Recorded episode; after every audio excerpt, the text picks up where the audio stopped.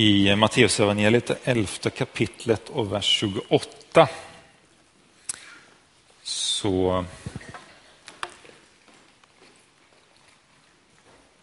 står det en sak som jag inte riktigt kan släppa. Jag tror att det är så här att det kan vara en hälsning till någon här idag. Ehm, det är ju så här att ehm, ja, men det, det, är inte alltid som, som vi känner och vi upplever att, att vi liksom har koll på livet eh, och att vi känner att vi orkar med allt det som liksom läggs på oss. Eh, och då säger Jesus så här, kom till mig alla ni som är tyngda av bördor. Jag ska skänka er vila. Ta på er mitt ok och lär av mig som har ett milt och ödmjukt hjärta, så ska ni finna vila för er själ. Mitt ok är skonsamt och min börda är lätt. Om du känner idag att bördan är för tung, bördan är så, det är, så, det är tungt, det är jobbigt just nu. Det här som, som liksom rör sig i mitt liv, det är bara för mycket, jag orkar inte med det. Då tror jag att det finns en hälsning från Gud till dig alla dagar, men kanske lite speciellt just den här dagen till dig. Att Kom till Herren, kom till Jesus. Han vill ge dig vila. Han vill ge dig kraften för den dagen som du står inför, kraften för det som du är i, det som du inte riktigt orkar med. Han vill ge dig det. Han vill hjälpa dig och han vill låta sitt ansikte lysa över dig så att du får frid, så att du orkar det som du står i får vi be en bön tillsammans omkring detta, om att Guds frid ska få lysa in i just den situationen när det är tungt och jobbigt. Och om du känner att det är så att, att ja, jag tycker att det är tungt och jobbigt, varför kanske inte lyfta dina händer just nu då och ta emot välsignelse från Herren och kraft ifrån honom under tiden som vi ber den här bönen. Herre, jag ber för, för alla oss som är här inne, Herre Jesus, och du ser den, Herre Jesus, som behöver kraft ifrån dig, Herre Jesus, och som har kommit hit med kanske kanske modlöshet, Herre Jesus, som kanske inte orkar, Herre Jesus. Men tack, Herre Jesus, för att du är densamme. Och idag så får vi uttala frid, Herre Jesus. Idag får vi uttala kraft, Herre Jesus. Idag får vi uttala att ditt ok är milt och skonsamt över allas liv, Herre Jesus. Och du ser den som behöver ta emot det idag, Herre. Jag tackar dig för det, Herre Jesus. Jag ber dig, Herre, kom nu och lys med ditt ansikte. Lys med ditt ansikte över oss alla och till dem som behöver över dig just nu, Herre. I Jesu namn. Amen. Var välsignad. Hörrni, idag så tänkte jag att jag ska försöka predika utifrån växtkraft i Guds rike. Jesus han, han pratar ju en hel del om det här med, med hur det växer i Guds rike. Man, när man läser Matteus evangeliet och framförallt omkring den trettonde kapitlet så, liksom så staplar han liknelser omkring sådd och skörd och hur det fungerar i Guds rike. Han tar mängder av bilder där. Och jag tänkte att jag vill lyfta några sty stycken saker utifrån detta eh, som det handlar om med växtkraft i Guds rike. Så jag tänker att vi börjar med och läser tillsammans från Matteus 13 och de första nio verserna. Den dagen gick Jesus hemifrån och satte sig vid sjön. Det samlades mycket folk omkring honom och därför steg han i en båt och satt i den medan allt folket stod på stranden. Och han talade till dem med många liknelser. En man gick ut för att så. När han sådde föll en del på vägkanten och fåglarna kom och åt upp det. En del föll på de steniga ställena där det inte fanns mycket jord och det kom fort upp eftersom myllan var tunn. Men när solen steg sveddes det och vissnade bort eftersom det var utan rot. En del föll bland tistlarna och tistlarna växte upp och kvävde det. Men en del föll i den goda jorden och gav skörd, hundrafalt och sextiofalt och trettiofalt. Hör du som har öron. Och Jesus han talade ju ofta med massor av sådana här liknelser. Han gav dem liknelser efter liknelser efter liknelser och sen så gick det ett tag och sen så insåg han att de har inte fattat någonting. Nej, de har inte fattat vad jag menar, trots att jag försöker förklara så de ska förstå. Jag försöker att ta bilder som liksom är tagna från deras eget liv och ändå så fattar de inte. Så därför så är det ju vissa tillfällen när Jesus då ger faktiskt också svaret på vad betyder den här liknelsen. Och det är vi ju tacksamma över, eller hur? För annars skulle vi själva sitta där och, och grunna och fundera. Här är Jesus svar, det här var det betydde, säger han några verser längre fram. Då. Så hör då vad som menas med liknelsen om mannen som sådde. Var gång någon hör ordet om riket utan att förstå kommer den onde och snappar bort det som har blivit sått i hans hjärta. Det är sådden på vägkanten. Sådden på de steniga ställena, det är den som hör ordet och genast tar emot det med glädje, men inte har något rotfäste inom sig utan är flyktig. Blir det lidande och förföljelse för ordets skull kommer han genast på fall. Sådden bland tistlarna, det är den som hör ordet men världsliga bekymmer och rikedomens lockelser kväver ordet så att han inte bär frukt. Men sådden i den goda jorden, det är den som hör ordet och förstår och han bär frukt hundrafalt och sextiofalt och trettiofalt.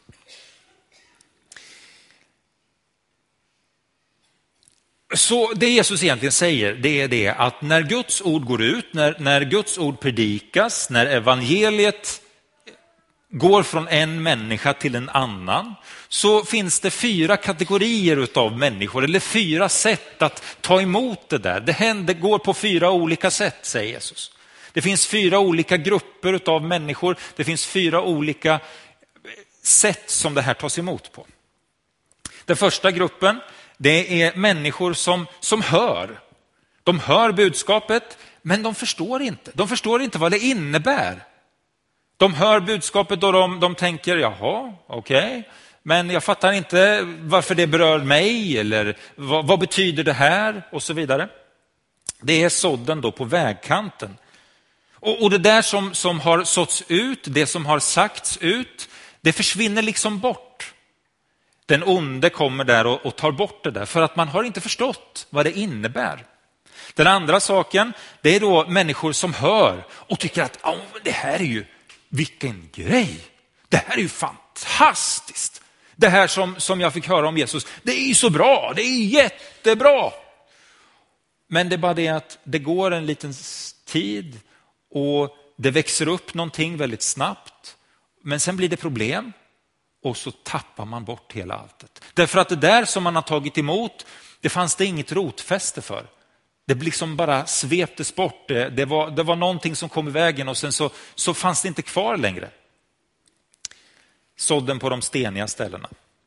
Den tredje kategorin det är människor som hör ordet, men så kommer det bekymmer, det kommer lockelser som då kväver det och de bär inte frukt och det är sådden bland tistlarna. Människor som, som tar emot det här, men sen så kommer det andra saker in som tar över. Och sen den fjärde kategorin då, det är människor som faktiskt både hör och förstår. Och när de hör och förstår och tar till sig så börjar någonting hända i dem det börjar växa någonting. Och den där växtkraften som finns i dem, den är så stark och så stor. Inte på grund av dem själva, utan på grund av det som finns i Guds rike. Det är så stort och så starkt så det faktiskt ger växt. Det ger en skörd. Det blir någonting utav det. Det kan bli hundrafaltigt eller sextiofaltigt eller trettiofaltigt. Alltså det blir en multiplika multiplikationseffekt utav det som har såtts in. När du och jag delar vår tro med andra människor så är det ju så att vi får vara beredda på att det landar lite olika. Och man kan inte göra så mycket åt det. Så du kan faktiskt inte göra någonting åt det alls själv. Utan det är väldigt mycket beroende på hur är mottagligheten i den människan. Och Det där tycker vi är lite jobbigt. Därför att vi önskar ju naturligtvis att alla som får höra talas om, om det som vi har fått från Jesus, alla skulle ju vilja ta emot det här. Alla skulle vilja göra det. Men till och med Jesus säger att nej men så är det inte. Det är inte så att alla som hör evangeliet kommer att ta till sig det här. Utan det finns ganska många som faktiskt inte kommer att göra det, utan som kommer att säga nej, det där var ingenting för mig. Så frågan är, vad kan man göra för att motverka att människor bara hör och sen så försvinner det bort? Vad kan man göra för att människor i den, att fler människor liksom hamnar i kategori fyra? I den sista kategorin. Finns det några saker vi kan göra? Ja, kanske är det några saker vi kan tänka på och fundera över. Det första är naturligtvis att, att det primära vi, vi är kallade till, det är att vi berättar om vår tro. Det är, det är själva grunden. Det är egentligen det enda som är vårt uppdrag. Det är att berätta vidare. Att älska människor och, och berätta om det vi har fått. Det är det vi är kallade till. Att ta ansvar för hur det landar i människor, det är inte vår uppgift, det är Guds uppgift. Men vår uppgift är att berätta. Det måste vi komma ihåg. Sen så är det faktiskt så här, står i första Korintierbrevet 3, att Paulus säger, jag planterade, Paul, Apollos vattnade, men Gud gav växten. Varken den som planterar eller den som vattnar betyder något, bara Gud, han som ger växten. När du och jag ger vidare av vår tro, när vi ger, ger någonting av det som vi har fått uppleva eh, med Jesus, då planterar vi någonting, då vattnar vi, då ser vi till, då försöker vi på alla sätt att skapa goda förutsättningar. Men vet du, det finns bara ett enda sätt för att det här ska få någon växt och bli någonting. Det är att Gud ger växten. Så är det, det är alltid Gud som ger växten. Du och jag kan inte mana fram en växt. Det funkar inte, utan det är Gud som ger växten. Och eftersom Gud ger växten så blir det också någonting som faktiskt leder ända in i himlen. Någonting som faktiskt är, eh, som får evighetsvärde. Så vad kan vi göra? Jag tror väldigt mycket att det handlar om ett möte med människor i kärlek. Att älska människor, vara barmhärtig mot människor, se på människor med nåd. Som Jesus har sett på dig, så är du kallad att se på andra människor. Men det där har vi så svårt för. Det är så svårt för oss. Därför att vi har så många män och så många, så här borde det vara. Men Gud vill att vi ska älska varandra oavsett ifall det är någon människa som har förtjänat det eller inte. Så är vi kallade till att älska och se med nåd och barmhärtighet på varandra. Vi hade ju en, en helg här för lite sedan med, med Bosse och, och Stella Alvin. Och några av de sakerna som han tog upp där tänkte jag att jag, jag tänkte ta nu också här. Vi står ju inför Eh, en satsning i påsk som vi är jätteglada för. Jag hoppas att du ber mycket för detta. Jag hoppas att du, att du ger in i detta eh, med ekonomi, för det behöver vi. Jag, jag hoppas att du känner att du vill vara med och hjälpa till så mycket du kan eh, i den här. Jag hoppas att du också är med och kanske bjuder in någon till de här dagarna. För det här kommer bli väldigt, väldigt bra. Men, men frågan är ju lite grann när vi har gjort det här och så tänker vi att, att människor har fått, fått ta till sig någonting under de här dagarna. Och så är det kanske så att vi får kontakt med dem och så vill de börja komma hit till kyrkan. De dyker upp här en söndag och det är ju fantastiskt, eller hur? Det, det, vill vi ju. Alla här, det finns ingen, om någon, om någon skakar på huvudet nu så då, då blir jag orolig. Så det, det, tror jag inte att det finns. Nej, utan alla nickar och tycker att yes, det, det vill vi ju. Men då kommer ju den här frågan. Vad händer när vi börjar känna att det, jaha, här luktar det rök och här luktar det alkohol i kyrkan? Oj, här sägs det ord som nog aldrig förut har uttalats i en pingstkyrka. Ord som kanske borde ha stannat någon annanstans, som inte borde ha varit här. Vad, vad, vad, händer när vi är mitt inne i en förbönstund och så ringer telefonen och så är det någon som, som går upp och springer ut? Och vad händer när, när det är någon som reser sig mitt upp i, i, under predikan och säger, vad menar du med det där? Vad händer om man, om man sitter och ska ha andakt inför, inför gudstjänsten och känner att man vill stilla ner sig. Och så är det några stycken som sitter och snackar om vad de gjorde på krogen igår kväll. Vad händer då? Hur reagerar du då? Tänker du så här, oh, här i den här delen av kyrkan kan jag inte sitta för här luktar det lite illa. Så jag reser på mig och så går jag iväg och så sätter jag mig där borta istället, det blir nog bättre. Eller är det så att du börjar titta dig runt omkring? Och ger den där blicken.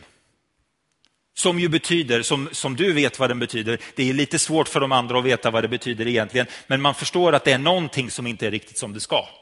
Och om du ger den där blicken tillräckligt mycket så kanske de slutar att prata. Eller kommer du säga till? Eller vad händer om det är någon som har, har klätt upp sig med sina finaste festkläder och du vet att de festkläderna, de är jättebra om man går på krogen på lördagskvällen, men när man kommer till Pingstkyrkan så är det inte de bästa kläderna. Det vet både du och jag. Men vad tänker du då? Tänker du då att du ska gå fram till den personen och säga, hörru du, här i vår kyrka, här tar vi på oss ordentliga kläder. Hur tänker du bemöta de människorna som kommer hit? Kommer du se på dem med nåd och med kärlek och med ödmjukhet?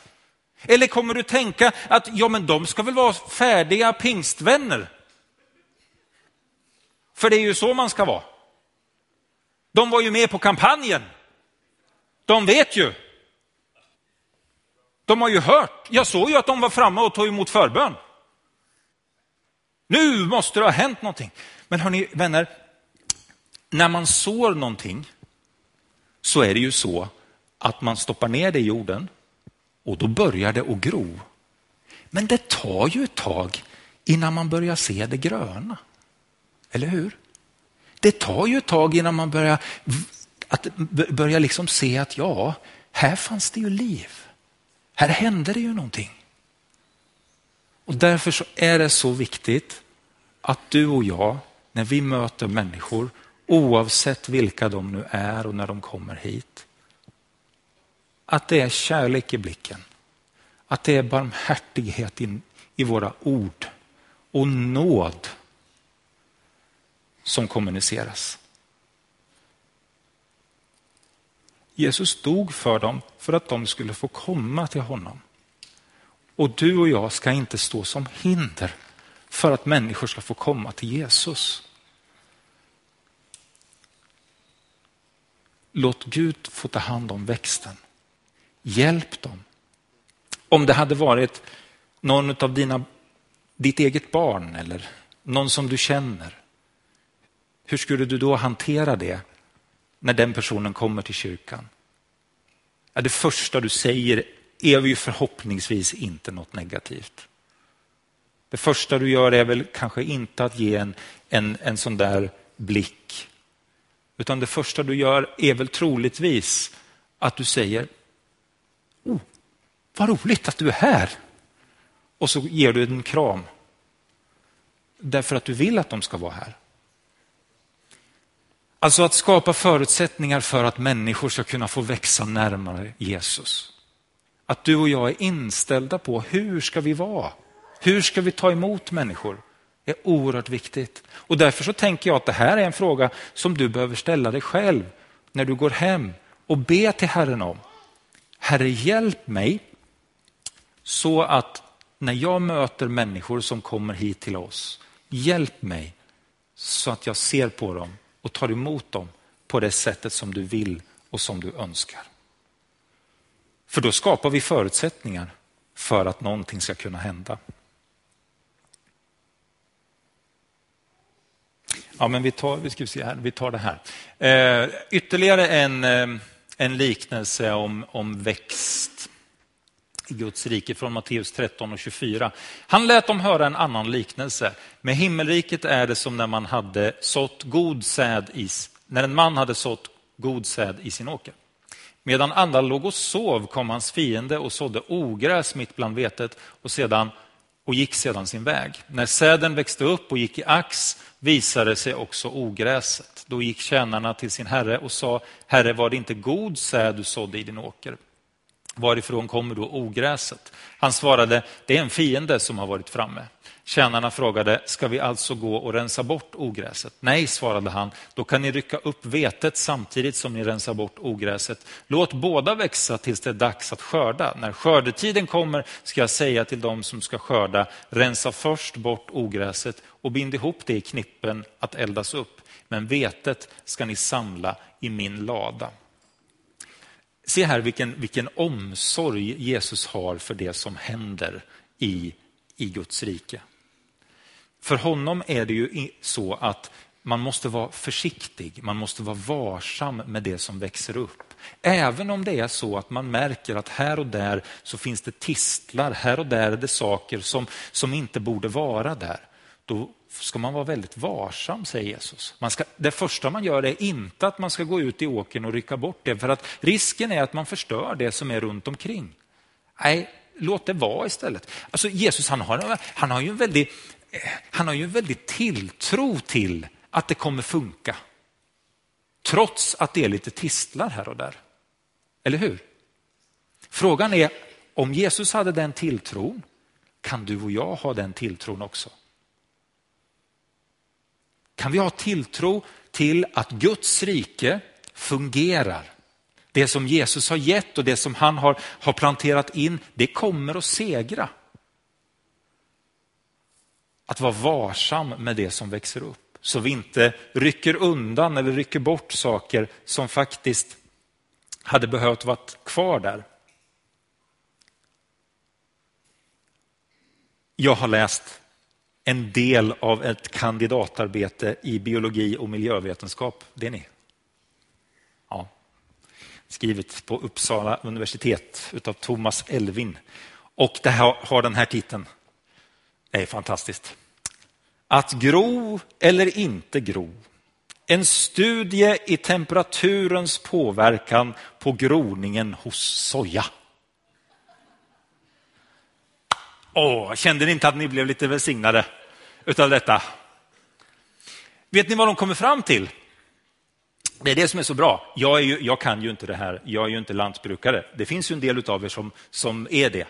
Eh, men men det, det, det, som, det som kommer fram här, det är nog egentligen saker som är ganska, ganska eh, naturliga att det är så. Eh, men det var en väldigt bra poäng, så jag tänkte att jag, det, det vill jag lyfta med. Jo, det som de upptäcker i den här, det här studiet, det är att ju högre temperaturen är, desto bättre växer det. Ja, men det är väldigt bra, eller hur? Alltså om det är kallt och ogästvänligt, då kommer det växa långsamt och det kommer vara färre av de här fröna som kommer växa. Men om det är varmare så kommer det växa snabbare och flera av de här eh, fröna kommer att liksom komma upp. Det är ju en väldigt bra bild för församlingen. Du vet att om vi har ett kallt andligt klimat, om vi har ett kallt eh, klimat i församlingen, då kommer det vara väldigt svårt för saker och ting att växa. Men om det finns en värme i, om det finns en hög temperatur i församlingen, i det andliga klimatet, då kommer flera att få växa till. Jag tänker att det är så här, att det som händer när man har kampanjer och när man har mötesserier och sådana saker, det är just det att där har man ofta en väldigt hög temperatur. Varför har man det? Jag tror att man har det delvis på grund av att när man kommer dit så går man dit med förväntan. Man har sett fram emot den här kampanjen, man tycker att det här kommer bli bra och så är man där och man har förväntan på att Gud ska göra någonting. Och så i det här som, som skapas så, så växer liksom tron och då händer någonting.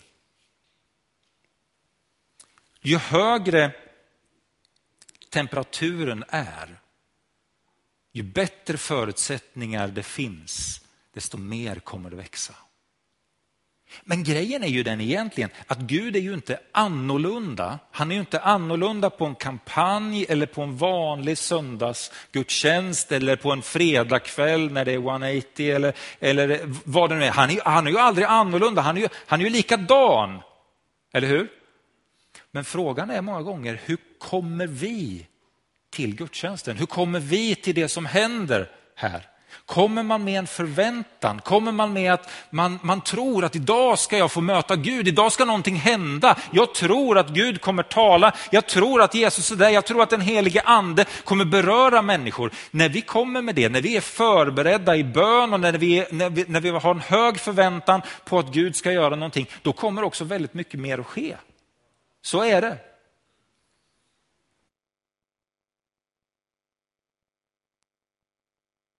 Om vi kan ha en varm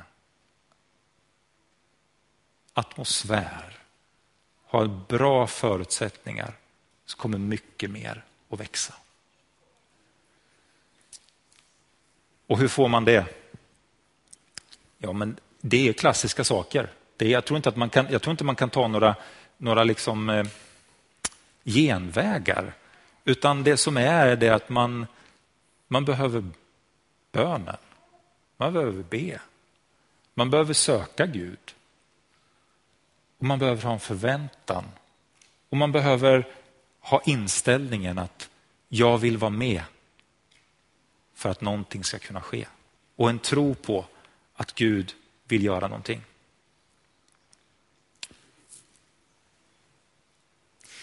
Det Gud vill, det är ju att det där som planteras i en människas liv, det ska få växa upp och så ska det så småningom bli så stort och så vackert så att det växer frukt i det där trädet.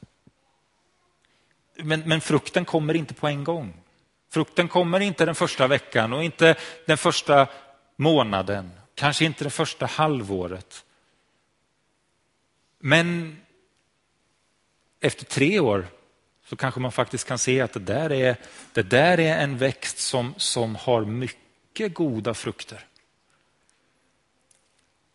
Får tänka på att det tar tid.